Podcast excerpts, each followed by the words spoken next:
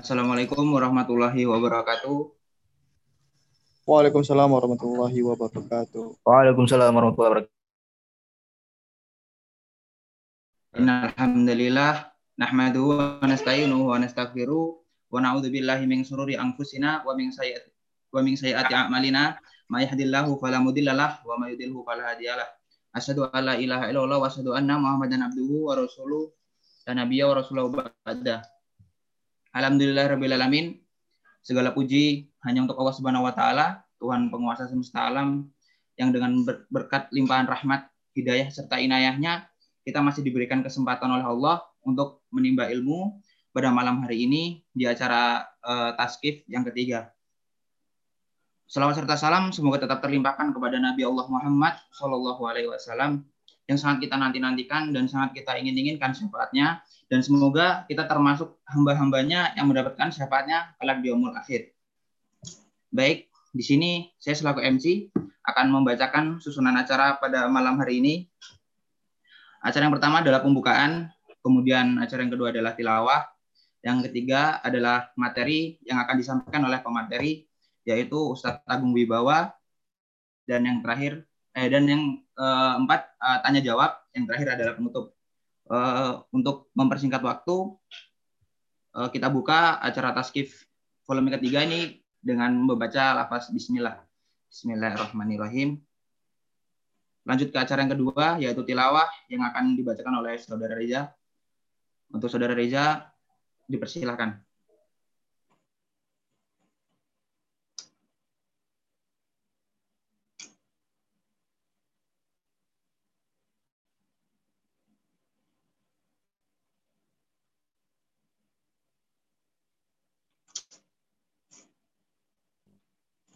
ليلا من المسجد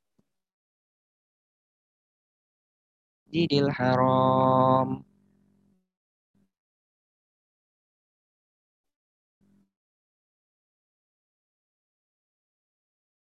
من آياتنا إنه هو السميع البصير وآتينا موسى الكتاب وجعلناه هدى لبني إسرائيل ألا تتخذوا من دوني وكيلا ذرية من حملنا مع نوح إنه كان عبدا شكورا وقضينا إلى بني إسرائيل في الكتاب لا تفسدن في الأرض مرتين لا تفسدن في الأرض مرتين ولا تهجرا صدق الله العظيم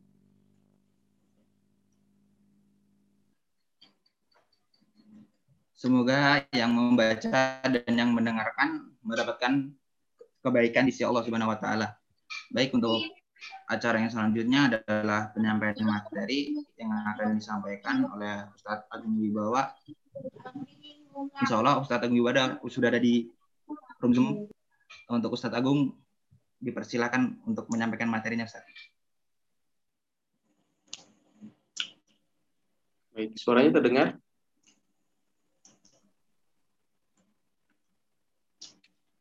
Suaranya terdengar tidak?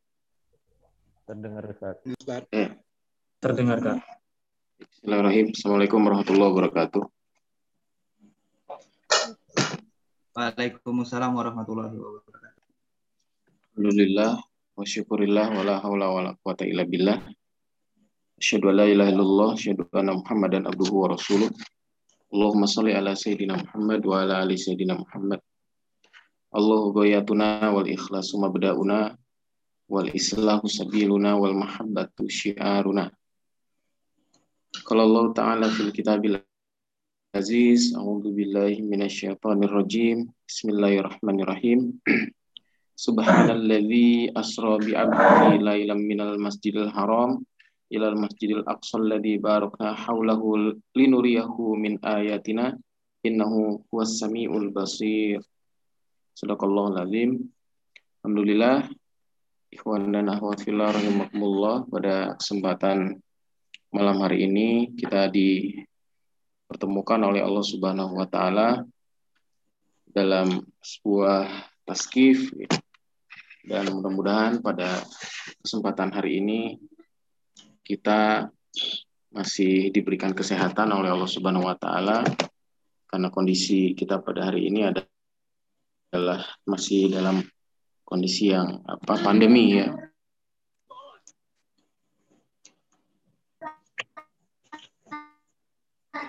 Walaupun barangkali eh, Allah masih sayang sama kita dan dalam waktu yang dekat mudah mudah-mudahan pandemi ini bisa secara langsung dalam fasilitas kita.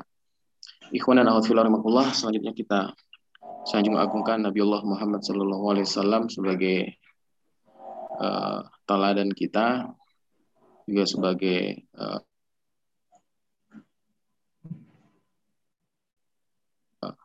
manusia yang diturunkan oleh Allah Subhanahu wa taala adalah kenikmatan yang sungguh sangat besar.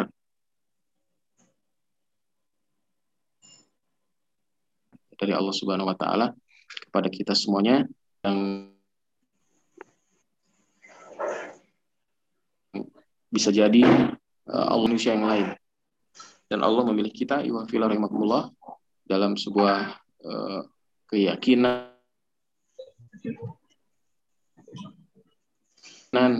dalam sebuah adin agama yang insya Allah mudah-mudahan ini adalah menjadi bekal dan bagian dari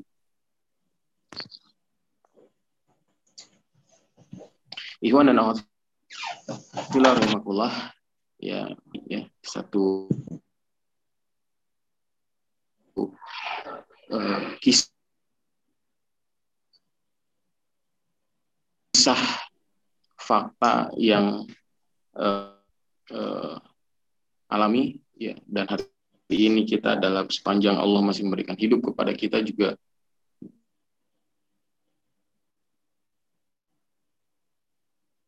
Kita diberikan kesempatan ya, mencari hik uh, terjadi di muka bumi ini terkhusus uh, apa yang terjadi oleh Nabi Allah Muhammad SAW di dalam sebuah peristiwa Isra dan Mi'raj. Ya. Ini adalah perjalanan kilat, ya, perjalanan yang luar biasa, tapi perlu kita ketahui bahwa uh, perjalanan ini itu adalah perjalanan di mana uh, Nabi uh, lalui itu peristiwa yang terjadi sebelumnya adalah peristiwa di mana Nabi uh,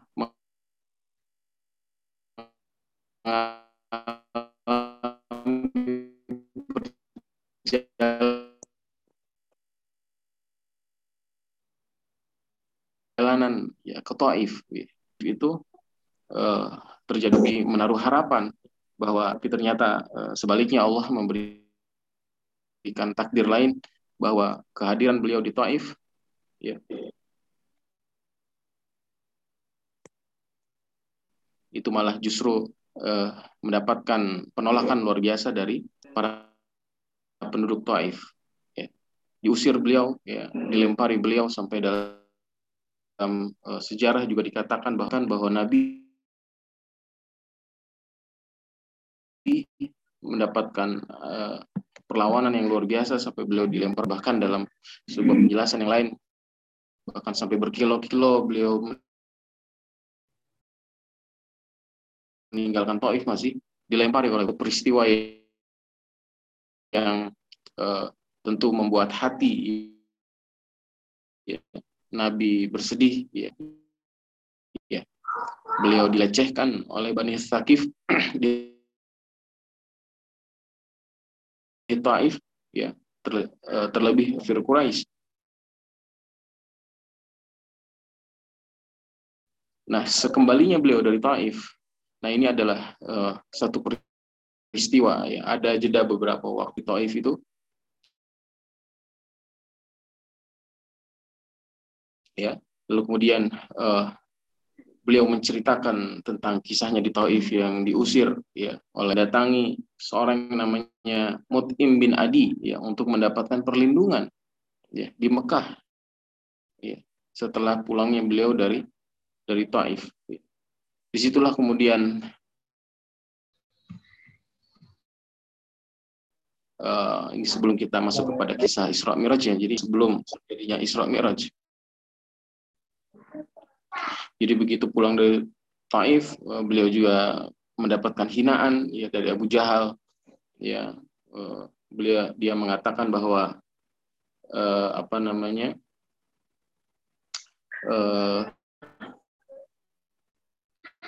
begini apa begini seorang nabi gitu ya mendapatkan penolakan. Apakah nabi seperti ini yang mau kita terima? Kata Abu Jahal begitu. Tapi sesungguhnya di situ bukan berarti bahwa penolakan Nabi Allah Muhammad yang harus diterima seorang nabi ya Allah ya tauhidullah. Ya, iwa rahim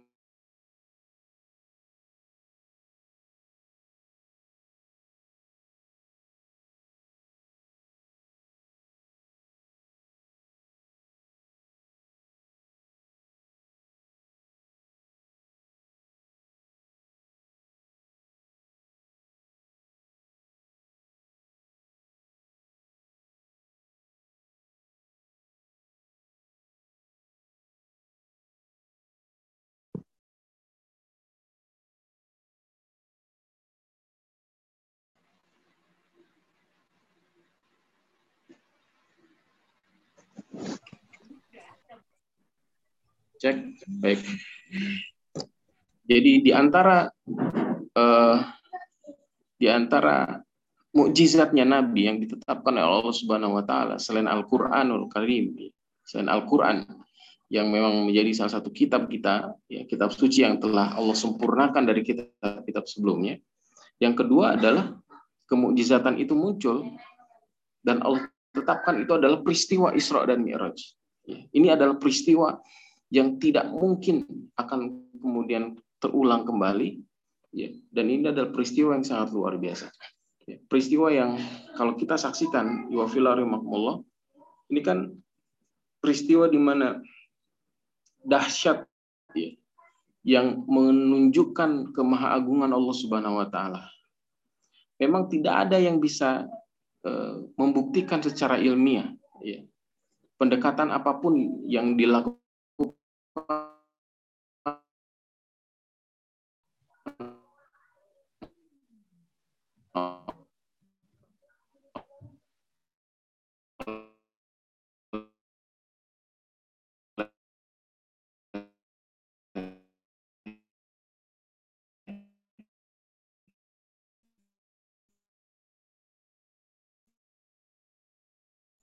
pendekatan materi dan dibuktikan kita hanya bisa menyanyi kita kepada Allah Subhanahu wa taala.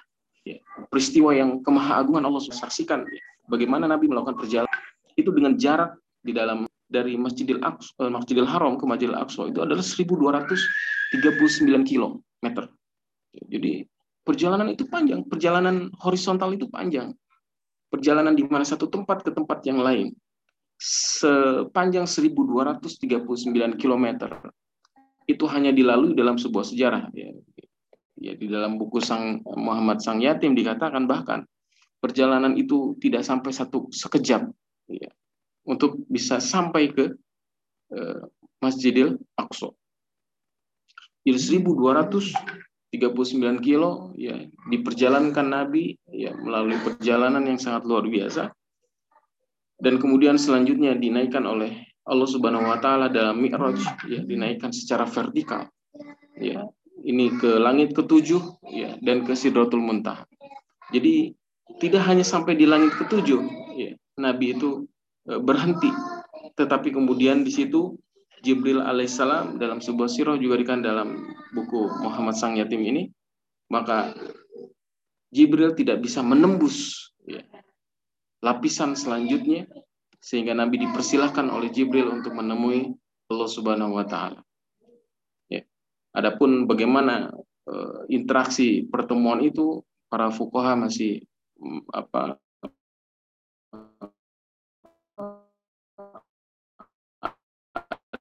ada perdebatan di situ.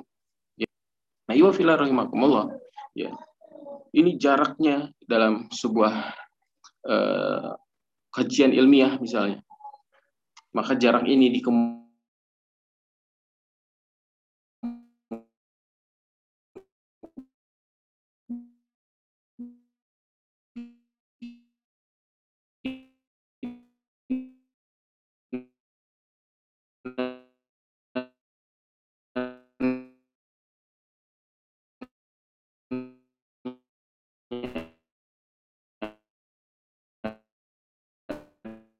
adalah jutaan ya. Ya. Dalam konteks itu dalam konteks sepanjang bisa di apa sebetulnya eh, langit yang bisa dicari secara ini tetapi pada saat bisa sampai itu pun bisa sampai jutaan eh, secara ilmiah dibuktikan secara ini teman-teman sekalian iwafillah kalau kita bandingkan misalnya kecepatan cahaya itu itu adalah 30.000 km per detik jadi kalau kita ingin mengambil kacamata ilmiah dulu misalnya sebelum kita nanti masuk ke dalam perjalanannya dan mengambil hikmah di dalamnya, kita bayangkan satu apa kecepatan cahaya.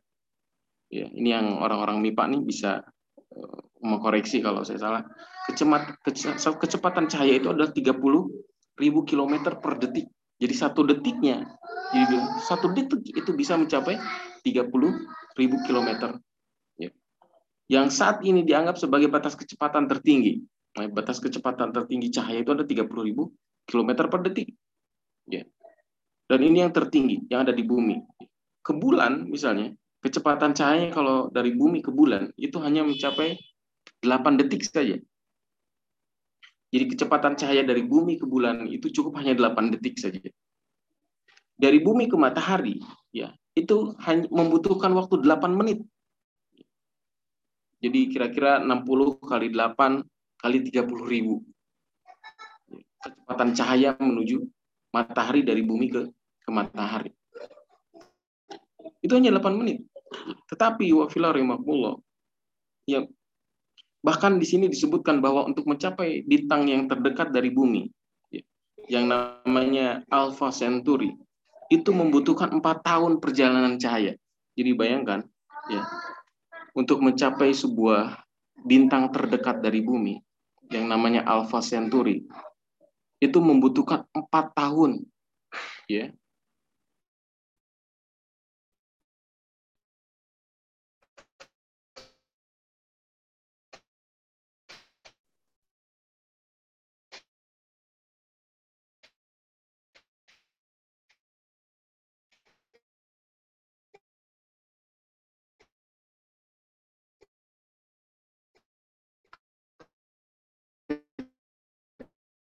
kecepatan cahaya. Bulan hanya membutuhkan 8 detik kecepatan cahaya. 1000 kilometer dari bumi ke jadi 60 detik kali 8 menit saja kecepatan cahaya. Dekat dari bumi namanya Alpha Centauri membutuhkan 4. Jadi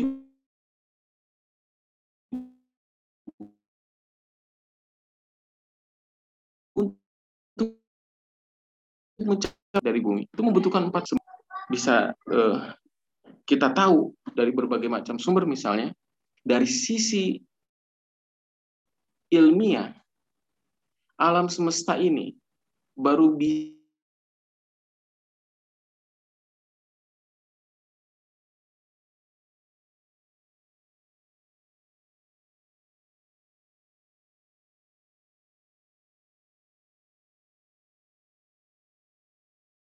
itu menembus sampai langit ketujuh. Jangankan mungkin langit pertama, langit pertama pun barangkali bisa jadi secara ilmiah.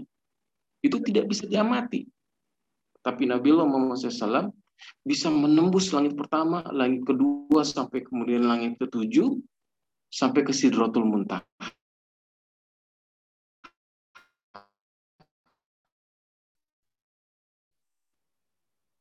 Keagungan Allah Subhanahu wa taala. Kebesaran Allah Subhanahu wa taala. Maka ayat pertamanya Allah mulai dengan memahasucikan Allah Subhanahu wa taala. Memahasucikan Allah Subhanahu saat ini yang ada di dunia itu baru hanya bisa menembus 5% alam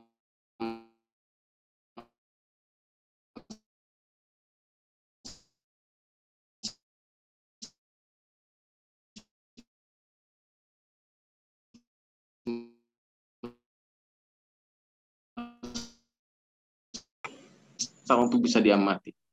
Nah, iwafila rahimakumullah, bukan satu malam perjalanan.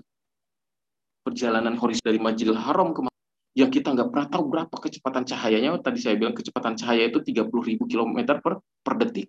Untuk mencapai bulan hanya butuh 8 detik dengan kecepatan cahaya. Untuk mencapai matahari membutuhkan 8 menit untuk dengan kecepatan cahaya.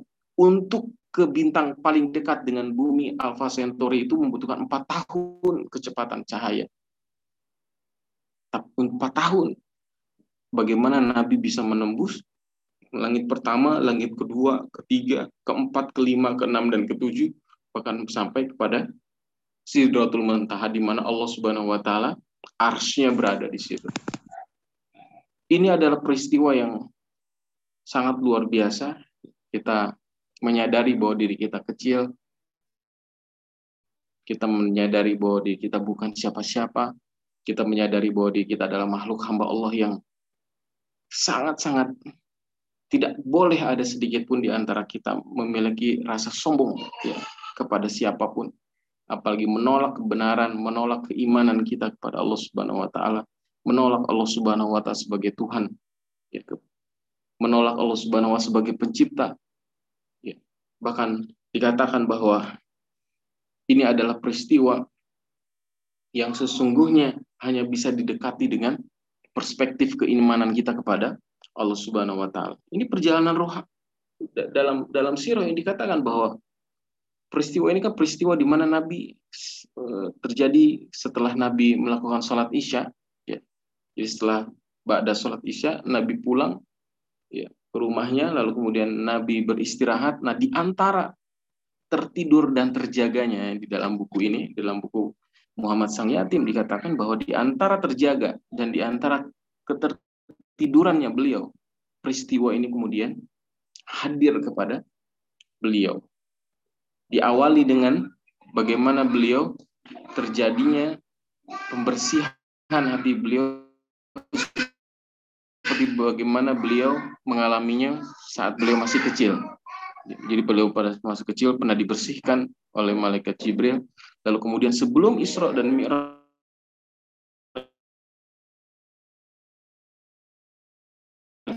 ini juga ternyata ada malaikat Jibril. Dan ini adalah peristiwa yang yang terjadi di 27 Rojab ya.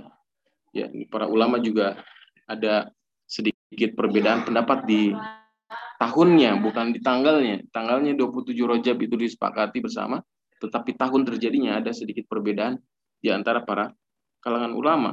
Tapi itu bukan juga bagian dari pembahasan kita hari ini. Ya, kita tidak akan masuk pada perdebatan-perdebatan para ulama karena juga kita bukan para ulama, tetapi kita ingin mengambil hikmah apa yang terjadi dalam peristiwa uh, Isra dan Mi'raj ini.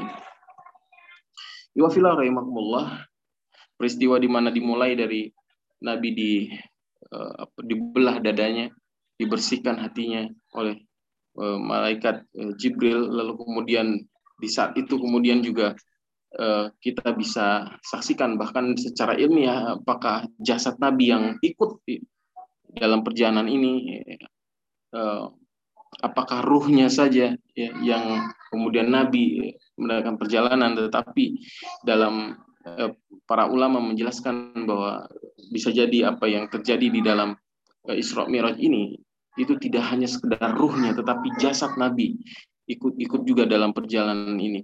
Sekalipun secara ilmiah, ya itu tidak bisa dibuktikan karena dalam konteks ilmiah bisa jadi jasad kalau kita berpikir secara normal ya jasad kita tidak memungkinkan untuk melakukan perjalanan seperti itu bisa hancur ya, jasad kita dengan kecepatan yang luar biasa apalagi menembus langit. Ya menembus sebuah apa perjalanan yang bisa jadi itu adalah perjalanan yang berbeda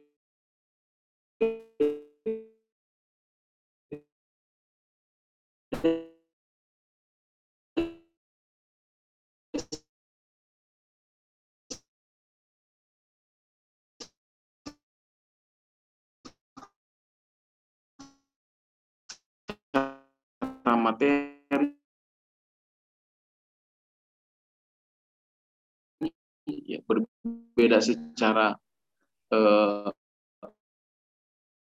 apa eh, sehingga mungkin bisa hancur. Menciptakan menyebarkan ya. Oleh Nabi ya, sudah di kamar ya, dari sini sampai di sini ya, beliau menunjukkan ya, dari di belahnya itu dari dari satu tempat ke yang lain di dadanya kemudian dikembalikan seperti semula. Ya, ini pun eh, apa coba yang dari orang kedokteran apakah itu sangat eh, rasional? Tentu tidak rasional. Jadi di belah dadanya apakah malaikat Jibril itu seorang dokter kita nggak tahu dibelah gitu ya. Yang pasti bukan dokter yang pasti seorang malaikat gitu. Tapi bagaimana membelahnya kita nggak pernah tahu. Bagaimana cara mengambil hatinya kita pun nggak tahu. Bagaimana cara mengambil hati dari sisi kedokteran itu nggak mungkin juga diambil dari perspektif itu tapi diambil hatinya disimpan lagi seperti semula kata Nabi gitu ya lalu buruk mendatangiku buruk ini di sini disebutkan dia merupakan kuda putih ya nan panjang lebih tinggi dari keledai dan lebih rendah dari bagal. Bagal itu perpaduan antara kuda dengan keledai, gitu ya. Mengepakkan kakinya hingga terbuka lebar, lalu aku menungganginya menuju Baitul Maqdis. Lalu aku mengikatnya dengan tali yang digunakan juga para ambia. Kemudian aku memasuki masjid dan sholat dua rakaat lalu keluar Jibril alaihissalam kemudian datang membawa bejana berisi khamar dan susu. Lantas aku memilih susu Jibril pun berkata, engkau telah memilih yang yang fitrah. Jadi beliau e, menggunakan kendaraan buruk. Buruk itu berasal dari kata bar, ya, yang artinya kilat. Yang artinya kilat. Jadi perjalanannya sepanjang, eh, secepat kilat. Ya. Nah, iwafillah rahimahullah, dari sisi itu saja, ya apa yang dikatakan Nabi barusan dalam sebuah hadis, ya, bagaimana Nabi uh, menembus menembus ruang materi ya, dalam waktu yang bersama-sama. Jadi katakan tadi bertemu dengan para nabi ya, di Betul Maqdis itu, itu artinya bahwa terjadi perpaduan ya waktu di mana waktu masa lampau yang dilalui oleh para nabi itu disatukan dalam satu tempat bersama Nabi Allah Muhammad SAW bertemu Nabi Ibrahim alaihissalam di situ ya disebutkan di sini di bertemu dengan Musa alaihissalam, bertemu dengan Nabi Isa alaihissalam, dan kemudian beliau mengimami. Sholat itu artinya bahwa ada penyatuan ruang dan waktu. Artinya bahwa masa lalu yang sudah berlalu kemudian disatukan di satu tempat, di satu waktu bertemu dengan jasad raja, jasad disatukan secara materi, artinya bahwa para nabi itu juga dihadirkan di situ di Baitul bersama-sama di kemudian diimami oleh Nabiullah Muhammad SAW. Jadi peristiwa ini adalah peristiwa yang kadang secara bukan kadang tapi memang secara akal tidak bisa kita uh, luruskan ya tetapi hanya bisa diluruskan dengan keimanan kita kepada Allah Subhanahu wa taala. Artinya juga bahwa beliau mengimami para nabi ini adalah maknanya jelas ya bahwa uh, beliau Nabiullah Muhammad SAW diartikan sebagai nabi yang pemimpin para nabi, ya, pemimpin para nabi dan penutup uh, para nabi. Jadi sebagai pemimpin para nabi karena beliau secara simbolik ya mengimami para nabi di Metul Maqdis Lalu kemudian beliau juga diartikan sebagai penutup para nabi. Ya. Ini adalah simbolik yang Allah perlihatkan kepada kita ya, bahwa sesungguhnya Nabi Allah Muhammad SAW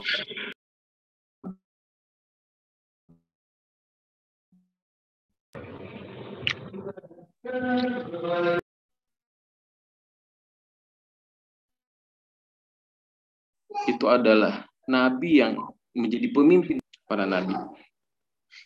Apakah dalam yang sadar, dalam apakah dalam kondisi tertidur, apa ini dalam bentuk mimpi, apakah indera beliau, indera uh, mata, telinga, mulut dan seterusnya itu juga dalam kondisi kesadaran beliau. Ini juga diyakini oleh para uh, para mufasir hadis ya, para mufasir juga uh, sirah ya, para ulama-ulama sirah itu juga diyakini bahwa Nabi uh, dalam kondisi yang sangat sadar dengan indera yang di dalam tubuhnya juga dalam kondisi yang juga sangat sadar.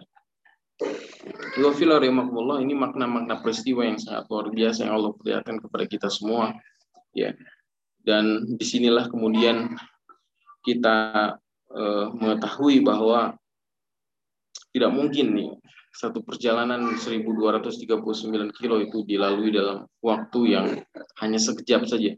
Ya, itu sesuatu yang sangat mustahil ya tetapi harus kita yakini uh, kebenaran karena di sinilah kemudian kita uh, menguatkan banyak di antara uh, apa hal-hal dalam ajaran kita itu tidak hanya secara akal juga difahami karena banyak di antara ajaran-ajaran agama yang bisa kita pahami secara akal tapi di satu sisi lain bahwa Allah Subhanahu wa taala juga ingin mengajari bahwa ada ajaran-ajaran Islam itu yang hanya bisa secara murni kita yakini secara keimanan, bukan secara akal. Karena kita diajari untuk mendidik akal kita, tetapi juga dididik untuk e, meyakini ya, sesuatu yang yang terjadi dengan keimanan kita kepada Allah Subhanahu wa taala. Nah, iwafillah rahimahullah ya. Di antara kisahnya lagi e, bagaimana setelah e, Nabi ya, melakukan perjalanan itu ke ke apa Baitul Maqdis ya Masjidil Aqsa ya di Palestina ya para ulama mengatakan di Syam gitu ya karena Palestina dari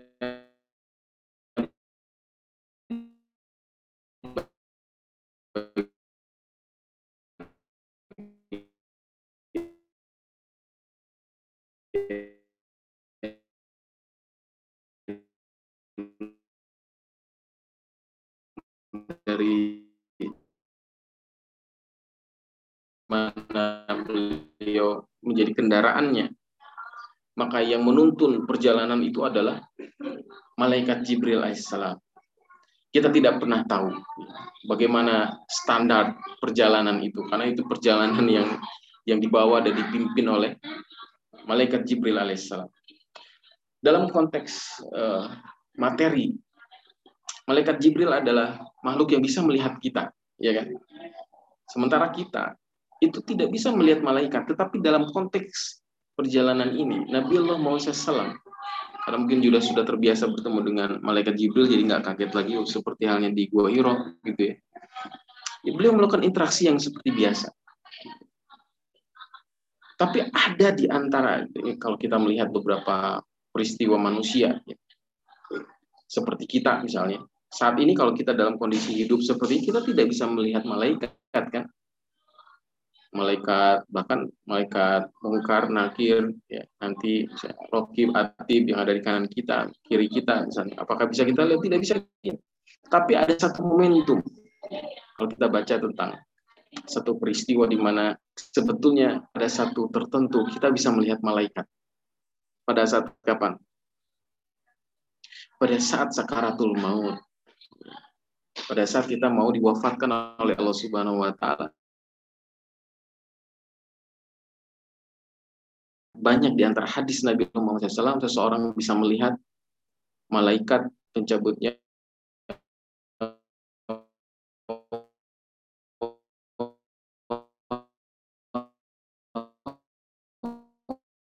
untuk mencabut nyawanya oleh beberapa ulama. Kenapa? Karena jiwa di antara dunia kehidupan dan peristiwa kematian setelah orang mati. Karena orang yang bisa masuk ke dalam dunia gaib, ya, dunia yang lain, ya, dunia yang bukan kehidupan kita. Nabiullah Muhammad mengalaminya. Sehingga melihat malaikat Jibril, ya, kemudian nanti di langit pertama, ya, malaikat Jibril mengetuk pintu oh, langit pertama ditanya oleh malaikat di sana siapa Jibril siapa yang kau bawa Muhammad apakah dia yang diutus untuk uh, datang iya ya kemudian ketemu Nabi Adam alaihissalam misalnya di langit pertama itu Itu kan peristiwa-peristiwa yang tidak mungkin terjadi di dunia kita. Misalnya ketemu dengan Nabi Adam alaihissalam, kita tidak mungkin ketemu dalam kehidupan dunia dengan Nabi alaih, Nabi alaih, apa Nabi Adam alaihissalam. Tapi Nabi terjadi pertemuan dengan Nabi eh, Adam alaihissalam. Pertemuan seperti di berada di dunia setelah kematian. Oleh karena itu sebetulnya peristiwa Isra dan Miraj itu peristiwa di mana peristiwa antara kehidupan nyata dan kehidupan setelah kematian. Yang ini bisa jadi tidak mungkin terjadi pada manusia-manusia yang lain. Makanya para ulama sepakat bahwa Isra Miraj ini adalah bagian dari mukjizat Nabi Allah Muhammad Sallallahu Alaihi Wasallam. Karena beliau memasuki dunia yang tidak mungkin dimasukin oleh dunia atau makhluk manusia yang lain, yaitu dunia setelah kematian, bertemu dengan orang yang sudah mati, ya, Nabi Adam alaihissalam misalnya di langit yang pertama. Kita juga tahu di langit yang kedua. Ya beliau bertemu dengan Nabi Isa dan Nabi Yahya. Nabi Isa Nabi Yahya ini kan saudaraan ya sepupuan. Di langit yang ketiga beliau ketemu dengan Nabi Yusuf alaihissalam. Kemudian didoakan juga oleh Nabi Yusuf alaihissalam. Di langit keempat ketemu dengan Nabi Idris alaihissalam. Nabi langit ke lima ketemu dengan Nabi Harun alaihissalam, kemudian di langit ke-6 ketemu dengan Nabi Musa alaihissalam, dan di langit ke-7 bertemu dengan Nabi Ibrahim alaihissalam. Ini pertemuan dengan para nabi sebelum-sebelumnya. Ini menandakan bagi para ulama pertemuan Nabi Nabi Allah Muhammad dengan para nabi ini, Nabi Adam sampai tadi Nabi Ibrahim alaihissalam, itu menandakan bahwa ada ketersambungan risalah di antara para nabi simbolik pertemuan itu ya,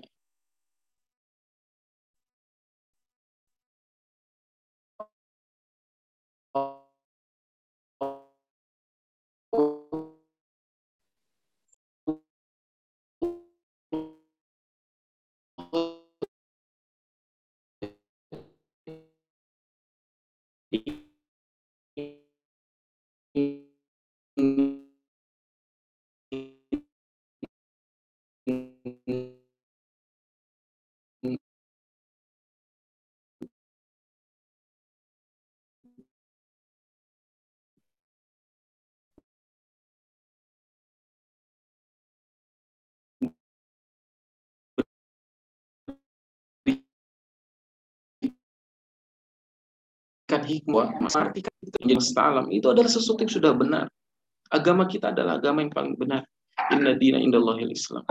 Tidak ada agama yang diridhoi kecuali agama kita, agama Islam. Dan itu eksklusif dalam akidah kita. Kita nggak bisa mengakui semua agama itu sama. Padahal agama yang lain itu menyembah bukan Allah Subhanahu wa taala. Agama X, agama Y, agama Z yang Tuhannya bukan Allah. Kemudian kita anggap itu juga sebuah agama yang benar itu sebuah kesalahan dalam akidah kita. Karena pertemuan, ya simboliknya pertemuan Nabi Allah Muhammad SAW dengan para nabi yang lain, itu menandakan bahwa adanya ketersambungan risalah tentang tauhid, ya tentang mengesahkan Allah Subhanahu wa taala. Ini makna hikmah salah satunya di antara bagaimana Nabi bertemu ya, dengan para nabi ini di langit pertama sampai langit ketujuh. Lalu kemudian Nabi eh, setelah di langit ketujuh, iwafil rahimahumullah, di situlah kemudian eh, disampaikan ya di situ ada dialog ya di setiap di setiap kalau lihat di sirah ada sedikit dialog di antara Nabi Allah Muhammad dengan para nabi yang bertemu ini ya. Dan kemudian di eh, langit ketujuh bertemu dengan Nabi Ibrahim alaihissalam ya. Nabi melihat ya Nabi Ibrahim alaihissalam itu sedang duduk bersandar ya di Baitul Makmur ya tempat tersebut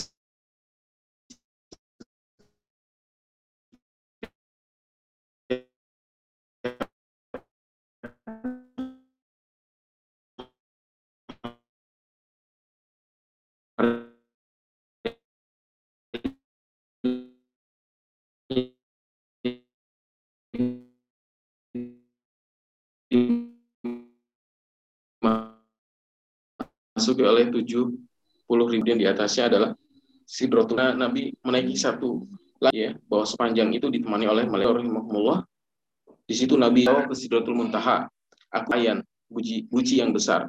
Lalu manakala dia diliputi oleh perintah Allah, sebagaimana yang dikehendaki Allah, maka ia berubah. Maka tidak ada satupun makhluk yang dapat melukiskan keindahannya. Iwafillah. Lalu kemudian eh, setelah itu Jibril alaihissalam tidak mampu untuk naik lagi. Ini ini juga simbolik ya bagi kita bahwa eh, manusia di satu sisi bisa eh, kemuliaannya di atas malaikat. Ya. Kenapa begitu? Ini simbolik bahwa pada saat sudah masuk di langit ketujuh wafillah ya, bahwa Jibril ya alaihissalam itu tidak mampu naik ke atas lagi. Jadi sampai di situ maksimal. Lalu kemudian beliau mempersilahkan. Kata beliau, kata malaikat Jibril, di sinilah berpisahlah seorang kekasih dengan kekasihnya. Majulah wahai Rasulullah, jika engkau naik maka akan dapat menembusnya, tetapi jika aku naik maka aku akan terbakar. Nah, jadi masya Allah, ya, malaikat Jibril itu hanya bisa sampai di situ batas batas batasnya dia tidak bisa lagi naik. Dalam hadis ini dikatakan bahwa kalau dia meneruskan naik maka dia akan terbakar. Dia mempersilahkan Nabi Allah Muhammad untuk meneruskan perjalanannya ke ke Sidratul Muntaha. Lalu kemudian di situlah diceritakan bahwa Nabi Allah SAW yang dekat menghadap Allah Subhanahu Wa Taala pandangannya syahdu dan khusyuk kepada zat yang maha memiliki. Ya, di sini masya Allah luar biasa. Ya. Di sinilah kemudian eh, tiba-tiba awan menutupiku kata Nabi. Lalu aku pun tersungkur, ya, sujud. Ya. Lantas apa yang diucapkan Nabi, apa yang seperti kita baca di dalam tasyahud akhir kita. At-tahiyatul mubarakatus sholat thayyibatu lillah. Wassalamualaikum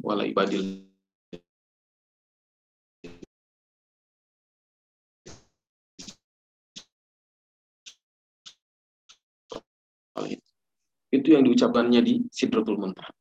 Akhir, tasyahud akhir, itu adalah apa yang dibacakan oleh Nabi pada saat beliau sampai di Sidratul Muntaha.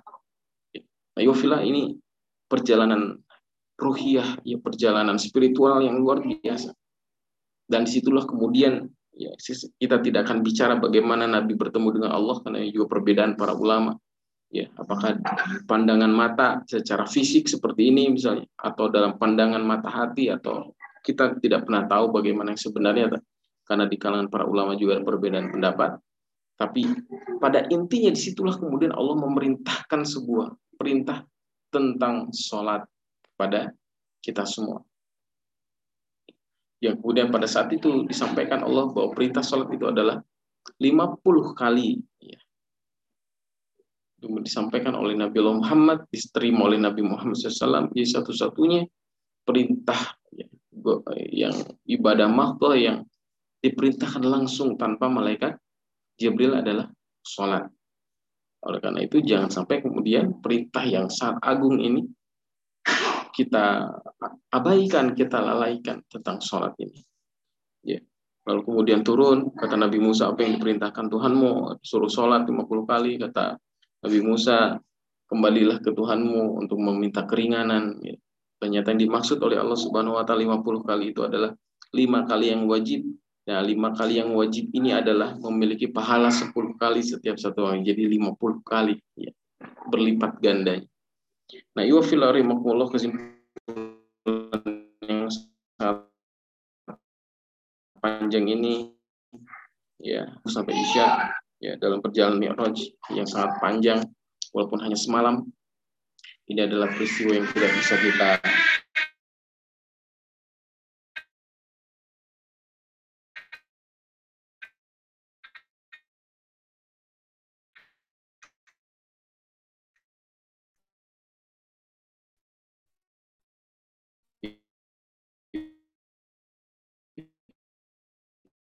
kita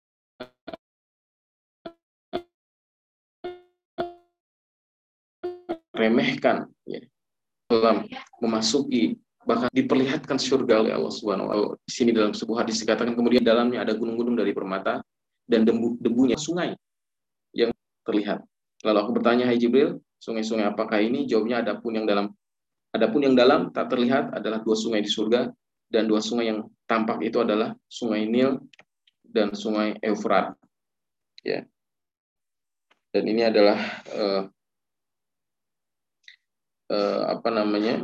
ditafsirkan sungai Nil dan Eufrat ini bisa jadi uh, para ulama juga menafsirkan belum tentu ini adalah Nil dan Eufrat yang mengalir seperti di bumi ya tetapi ditafsirkan bahwa bangsa Arab dan kaum muslimin yang secara umum ya yang mendiami Nil dan Eufrat akan mendapatkan fadilah di surga ya bukan berarti secara fisik Nil apa sungainya ya tetapi fadilah-fadilah tentang orang-orang yang berada di tinggal di uh, Nil dan Eufrat. Nah, uh, ini adalah beberapa perjalanan napak tilas Nabi di Isra dan Mi'raj.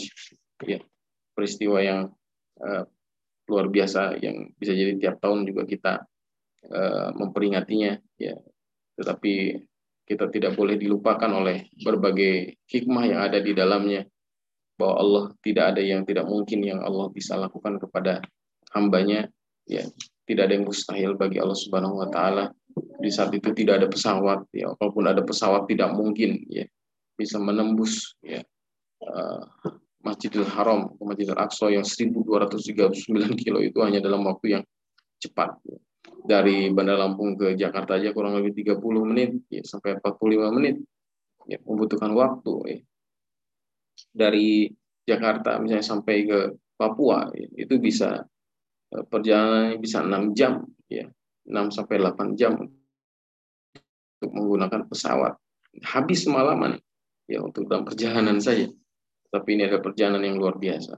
Ditambah dengan Allah memerintahkan langsung ya, sebuah perintah uh, sholat ya, kepada kita semua untuk senantiasa kita sadari bahwa sholat adalah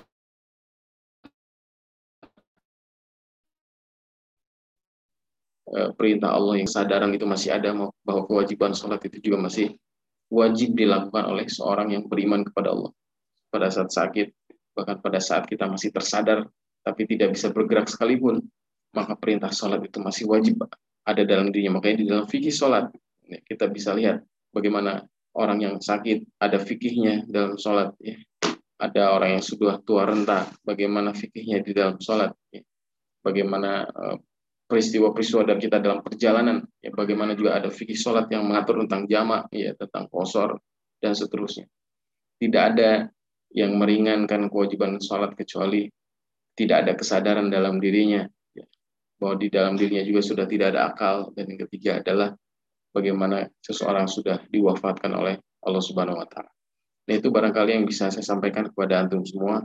Mudah-mudahan bisa kita ambil ya hikmah di antara eh, napak tilas perjalanan Nabi ya diisrokan oleh Allah Subhanahu wa taala lalu kemudian dimi'rajkan oleh Allah Subhanahu wa taala sampai Sidratul Muntaha. Sampai pada akhirnya kalau kita ingin melanjutkan sirah ini bagaimana Nabi setelah turun ya kemudian menceritakan peristiwa Isra dan Miraj banyak di antara orang kafir yang mencemooh ya, yang menghina yang merendahkan mengatakan bahwa peristiwa ini adalah sesuatu yang mustahil terjadi pada seseorang bahkan masih ada saat itu ya orang yang mengaku muslim yang juga sulit mempercayai peristiwa atau cerita dari Nabi Allah Muhammad Shallallahu Alaihi Wasallam.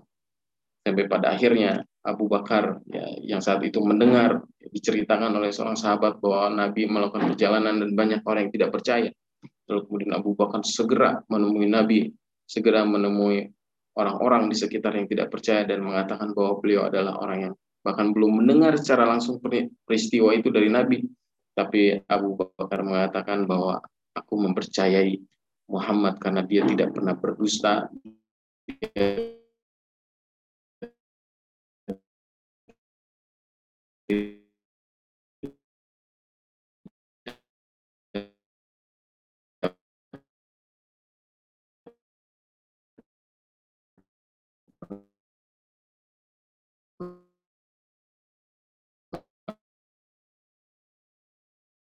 oleh Allah Subhanahu wa taala. Ada sebuah tirai berwarna bukan bukan putih, maka aku akan lebih percaya mataku sendiri. Itulah keimanan Nabiullah Muhammad SAW juga kepada Roh Afwan jika ada sesuatu yang tidak berkenan. Assalamualaikum warahmatullahi wabarakatuh. Waalaikumsalam warahmatullahi wabarakatuh. Baik, tadi adalah penyampaian materi dari Ustadz Agung Wibawa. Jazakallah khair Ustadz. Baik, eh, sesi yang selanjutnya adalah sesi tanya jawab. Jadi buat teman-teman yang mau bertanya boleh raise hand atau menulis di kolom komentar atau di kolom chat. Nanti kita akan bacakan tiga pertanyaan pertama. Jika waktunya masih cukup atau masih longgar, nanti kita bisa tambah pertanyaannya lagi. Baik, silakan teman-teman yang uh, ingin bertanya.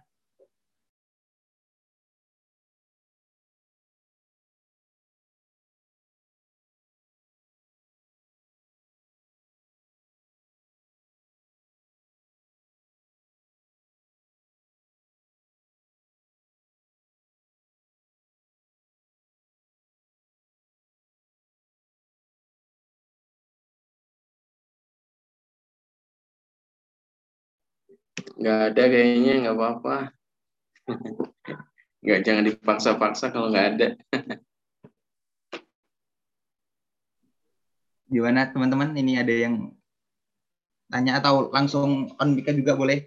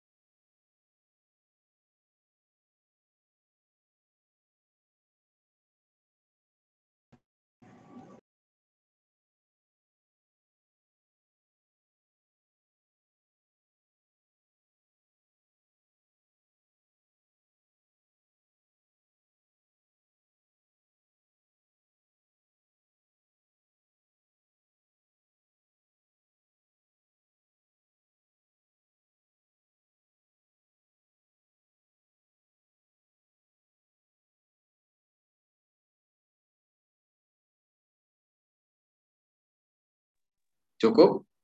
Atau gimana? Eh, ini ada pertanyaan Ustadz di kolom chat. Boleh saya bacain Ustadz? Izin bertanya Ustadz. Saya sempat mendengar nasihat seorang syekh. Beliau berkata kalau sebenarnya dalil ditetapkannya tujuh rajab sebagai Isra Mi'raj, Isra Mi'raj itu nggak ada. Itu bagaimana Ustadz? Baik. Seperti tadi yang Anda sampaikan ya di awal tentang uh, perjalanan uh, Nabiullah Muhammad di Isra dan Mi'raj ini sebetulnya memang ada perbedaan pendapat ya di antara waktu ya uh, perjalanan Nabiullah Muhammad SAW. Pertama yang harus kita yakini adalah perjalanan Isra Mi'raj ini betul-betul terjadi karena memang di dalam Al-Qur'an surat Al-Isra ayat pertama itu juga Allah sudah menceritakan ya tentang Isra ya dan Mi'rajnya. Ya menceritakan bagaimana Nabi diperjalankan ya oleh Allah Subhanahu wa taala. Yang memperjalankan Nabi itu Allah Subhanahu wa taala. Pertama itu yang yang harus kita uh, yakini. Yang kedua terkait dengan waktu. Ya, memang ini pasti akan selalu ada perbedaan sih tentang waktu. Jangankan tentang Isra Mi'raj. Bahkan uh, tentang misalnya turunnya Al-Quran pun di kalangan para ulama masih ada perbedaan tuh. Ada yang bilang 17 Ramadan ya. Ada yang bilang 23 Ramadan.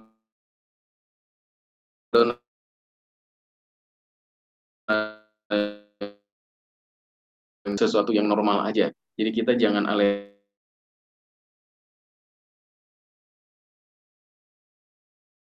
ya kalau di dalam uh, buku Muhammad Sang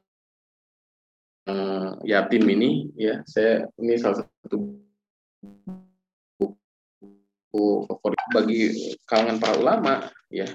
Yang perbedaannya itu adalah sebetulnya bukan di tanggal 27 Rojabnya jalanannya ini tahun keberapa perbedaannya ada di situ ya. Nah ini eh, perjalanan yang yang dilakukan oleh Nabi ini memang kan perjalanan yang sebetulnya tidak diketahui oleh siapa pun kan perjalanan itu. Jadi pada saat Nabi melakukan perjalanan itu hanya Nabi yang tahu. Karena terjadi terjadinya oleh oleh Nabi sendiri. Baru kemudian esok harinya begitu Nabi sudah melakukan perjalanan baru kemudian beliau menceritakan kepada para sahabat bahkan menceritakan juga kepada para orang Quraisy saat itu di mana mereka juga mencemooh ya orang-orang kafir Quraisy itu tetapi di dalam penjelasan di dalam buku ini, ya di buku uh, Muhammad Sang Yatim, ya dikatakan bahwa yang menjadi perbedaan pendapat ya, bagi para ulama, ya itu ada di bukan di tanggal 27 Rojabnya, ya, tetapi di tahun ya berlangsungnya eh, kapan ya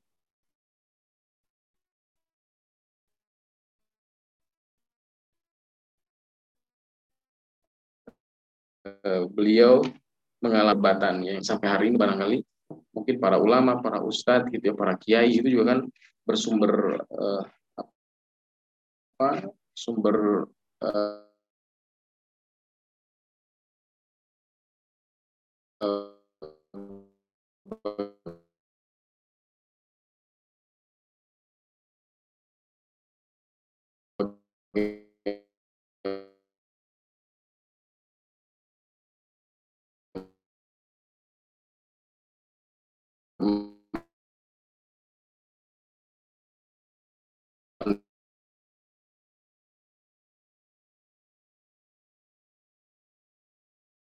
mendapatkan nah, di Allah terdahulu juga sampai hari ini tentang tahunnya. Kapan terjadi tahun?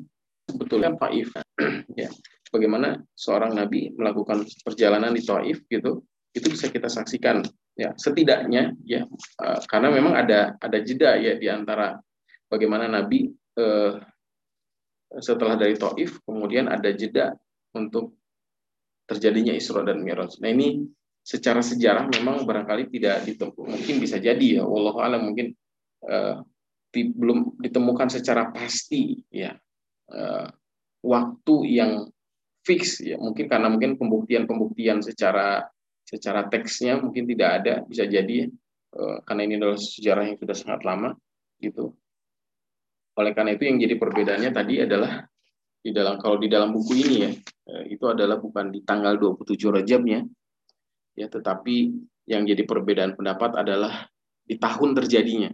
Di 27 Rajabnya adalah sesuatu yang banyak disepakati tetapi di tahun e, perjalanan Isra dan Mi'raj itu ada perbedaan di kalangan para ulama. Begitu barangkali ya karena Isra Mi'raj ini juga kan di di apa tanda kutip ya, diperingati juga di tidak hanya di Indonesia ya tidak hanya di Indonesia juga tapi di di belahan-belahan dunia lain oleh muslim yang lain di tanggal 27 Rajab. Dan sampai hari ini juga kalau kita saksikan kalau ini melanggar di tanggal 27 Rajab misalnya harusnya juga eh, banyak para ulama atau organisasi Islam eh, organisasi kemasyarakatan Islam juga mungkin bisa bisa melakukan pembelaan karena mungkin bukan di bukan di 27 Rajabnya ya, tetapi kita bisa lihat eh,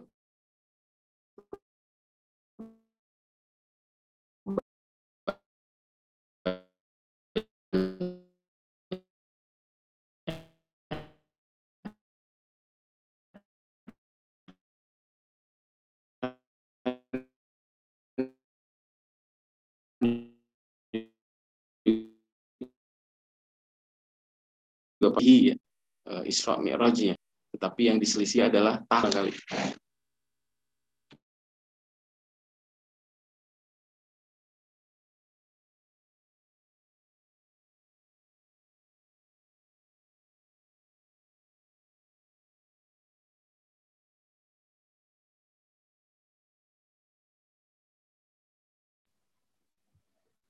Ustadz, ini ada pertanyaan lagi, tapi via WhatsApp. Terus orangnya nggak mau disebutin namanya Ustadz. Bismillah Ustadz Afwan izin bertanya. Bagaimana menjadikan diri istiqomah minimal menjaga sholat di awal waktu sebagai pemaknaan peristiwa Isra Mi'raj tersebut? Ayat jazakallah. Ya, ini saya menyarankan kita semua yang hadir termasuk saya lah untuk membaca sirohnya dulu. Ya, pertama baca sirohnya, baca peristiwanya dan bacanya dengan iman. Jangan cuma baca hanya untuk apa untuk uh, memberi makan akal kita, tetapi juga memberi makan buat hati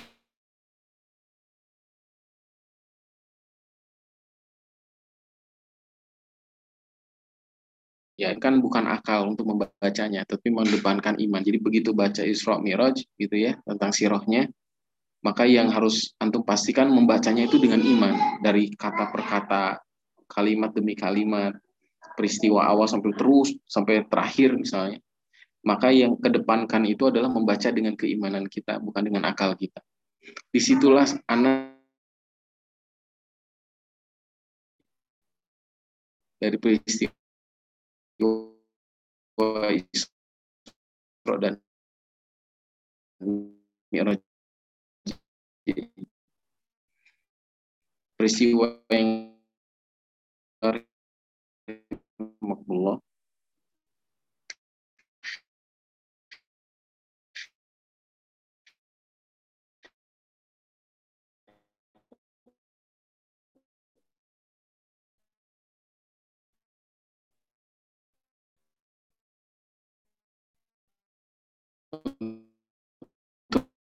mencapai istiqomah itu perjalanan manusia yang biasa-biasa saja gitu.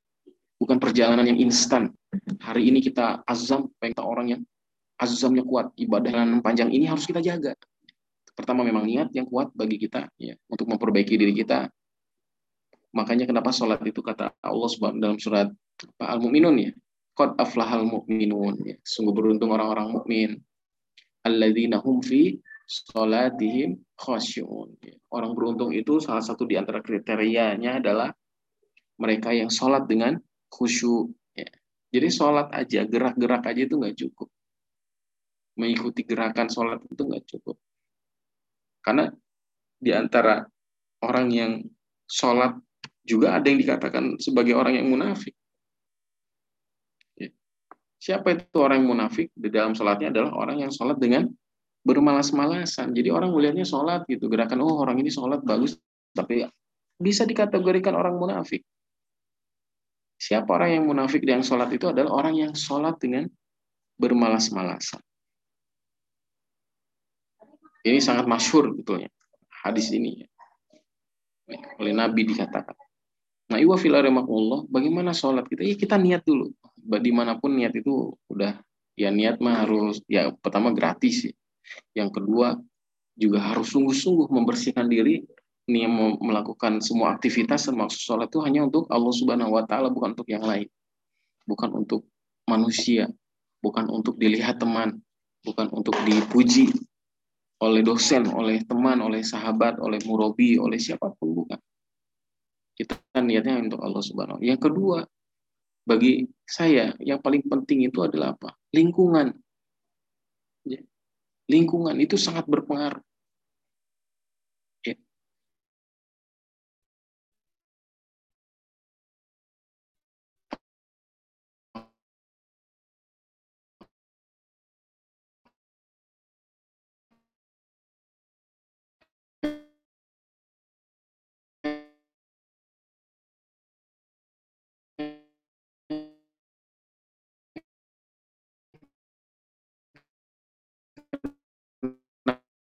Nabi juga mengi ya gaulnya sama penjual minyak. Jadi kalau kita ingin jadi orang Islamnya dengan orang-orang yang justru tidak sevisi dengan kita.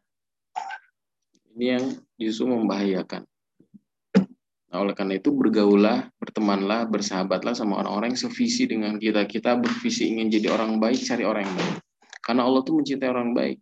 Inna Allah yuhibbul muhsinin. Sesungguhnya Allah itu mencintai orang-orang yang berbuat baik maka punya visi kebaikan itu penting harus berbuat baik pada orang, berbuat pada baik pada tangga, pada teman, pada sahabat, pada guru, pada dosen. Visinya baik aja pokoknya. Karena innallaha yuhibbul muhsinin. Allah tuh cinta sama orang yang berbuat perbaiki, khususnya diperbaiki, bacaannya diperbaiki, berbuat baik, cari lingkungan orang yang Allah setidaknya kalaupun melenceng-lenceng balik lagi, lenceng-lenceng balik lagi. Gitu. Makanya mengusahakan kita punya lingkungan yang baik. Ini teman-teman di Birohmah misalnya. Ya, visinya pasti bukan visi yang nggak baik kan pasti yang baik. Nah turunkan tuh visi dalam visi dalam organisasi turunkan ke visi personalnya.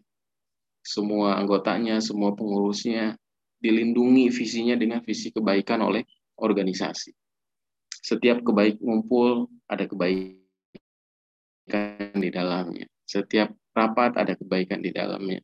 Setiap bergaul dengan pengurus dengan anggota ada kebaikan. Semua visinya sama.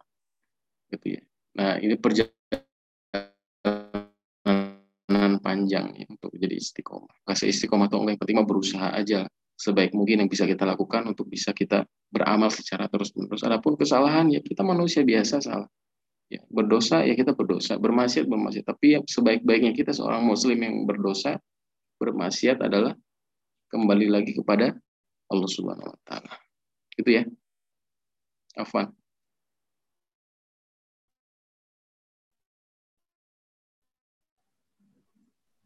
Baik, itu tadi. Ini ada satu pertanyaan terakhir, Ustaz.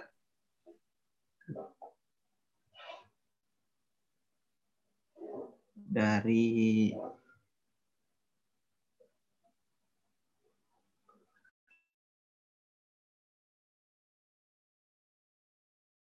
Efri Sanjaya. Izin bertanya Ustadz mengenai peringatan Isra Mi'raj. Apakah peringatan peristiwa Isra Mi'raj dirayakan dengan mengadakan Allah Ya, ini jawabannya saya nggak mau terjebak dengan apa ini bid'ah atau nggak bid'ah ya. Ini pertanyaan pertanyaannya agak-agak ini nih, agak-agak mancing-mancing nih sebetulnya. Cuman ya, saya nggak mau masuk pada wilayah perbedaannya ya, jiwa wilayah. Kalau saya secara pribadi menghormati orang yang mau mauludan, mau ngadain acara Isra Mi'raj, ingin pengajian khusus Isra Mi'raj, ya tafadhol aja, silakan aja. Ya, atau tablik akbar khusus Isra Mi'raj di masjid atau di mana pun di lapangan, silakan aja. Tafadhol aja. Saya saya bukan ustadz yang bisa menjelaskan itu secara uh, dalil ya. Saya bukan ahli hukum syariah juga ya untuk menjelaskan. Jadi memang kapasitas saya tidak ada di situ. Ya, kalau saya mengakui aja kalau nggak bisa membuat satu dalil saya nggak bisa atau membuat satu apa bukan dalil ya, membuat satu hujah misalnya tentang sesuatu apakah ini bidang atau enggak ya ya saya nggak bisa ya menjawab itu ya karena saya walaupun saya lulusan UIN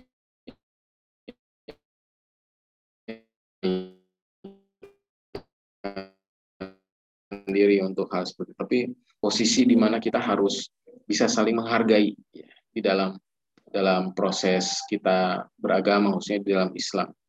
Jangan sampai kita terus menerus di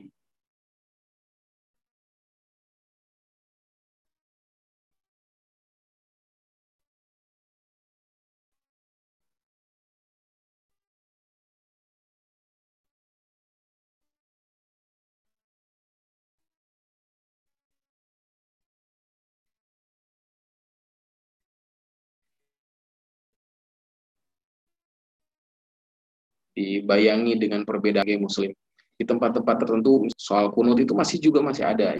Masih uh, apa ya itu jadi satu apa ya menghindari ya tetapi harusnya ada dia kenapa kita di antara muslim selalu bertengkar tapi kita selalu menjaga harmonisasi dengan orang-orang uh, non muslim misalnya. Tapi dengan orang muslim sendiri kita tidak menjaga harmonisasi tidak menjaga apa uh, kerukunan di antara kita sama muslim. Padahal kekuatan muslim ada di ukhuwahnya salah satunya. Nah ini tafadhol aja, apakah ada atau enggak ya kita baca referensi. Preferensi selalu akan ada yang bertolak belakang kita baca ini nggak boleh gitu dibaca ini boleh ya. Ternyata baca artikel ini tidak memperbolehkan dalilnya ini ini dibaca satu lagi artikel yang ini ternyata memperbolehkan alasannya ini dalilnya ini. Jadi akan selalu ada ada ada basis dalil di antara mereka yang berbeda ini nah kita tinggal mau yang milih yang mana. Tafadhol aja serahkan kepada antum semua. Ya yang penting nggak usah berantem nggak usah ribut. Isra Mi'raj silahkan. Yang enggak juga silahkan. Itu yang mau lidan silahkan. Yang nggak mau lid juga silahkan. Yang penting sholawatnya aja sama Nabi. Itu ya. Seolah ya itu aja ya barangkali ya. Afan nggak kejawab kalau yang itu. Ampun deh cari ustadz yang benar-benar ahli syariat Baik, jazakallah Ustadz atas ilmunya yang sudah disampaikan kepada kami semua dan semoga kita yang mendengarkan dan yang menyampaikan mendapatkan ganjaran kebaikan dari Allah Subhanahu wa taala dan insya Allah terhitung ibadah di sisi Allah Subhanahu wa taala. Baik, sebelum acara yang terakhir yaitu penutup, saya selaku MC eh, memohon maaf jika ada tutur kata yang salah. Jika ada yang kurang itu datangnya dari saya dan lebihnya itu datangnya dari Allah Subhanahu wa taala. Mari kita tutup acara taskif kita pada malam hari ini dengan mengucapkan doa kafaratul majelis dan hendalah subhanakallahumma wa bihamdika asyhadu an la ilaha illa anta astaghfiruka wa atubu ilaik.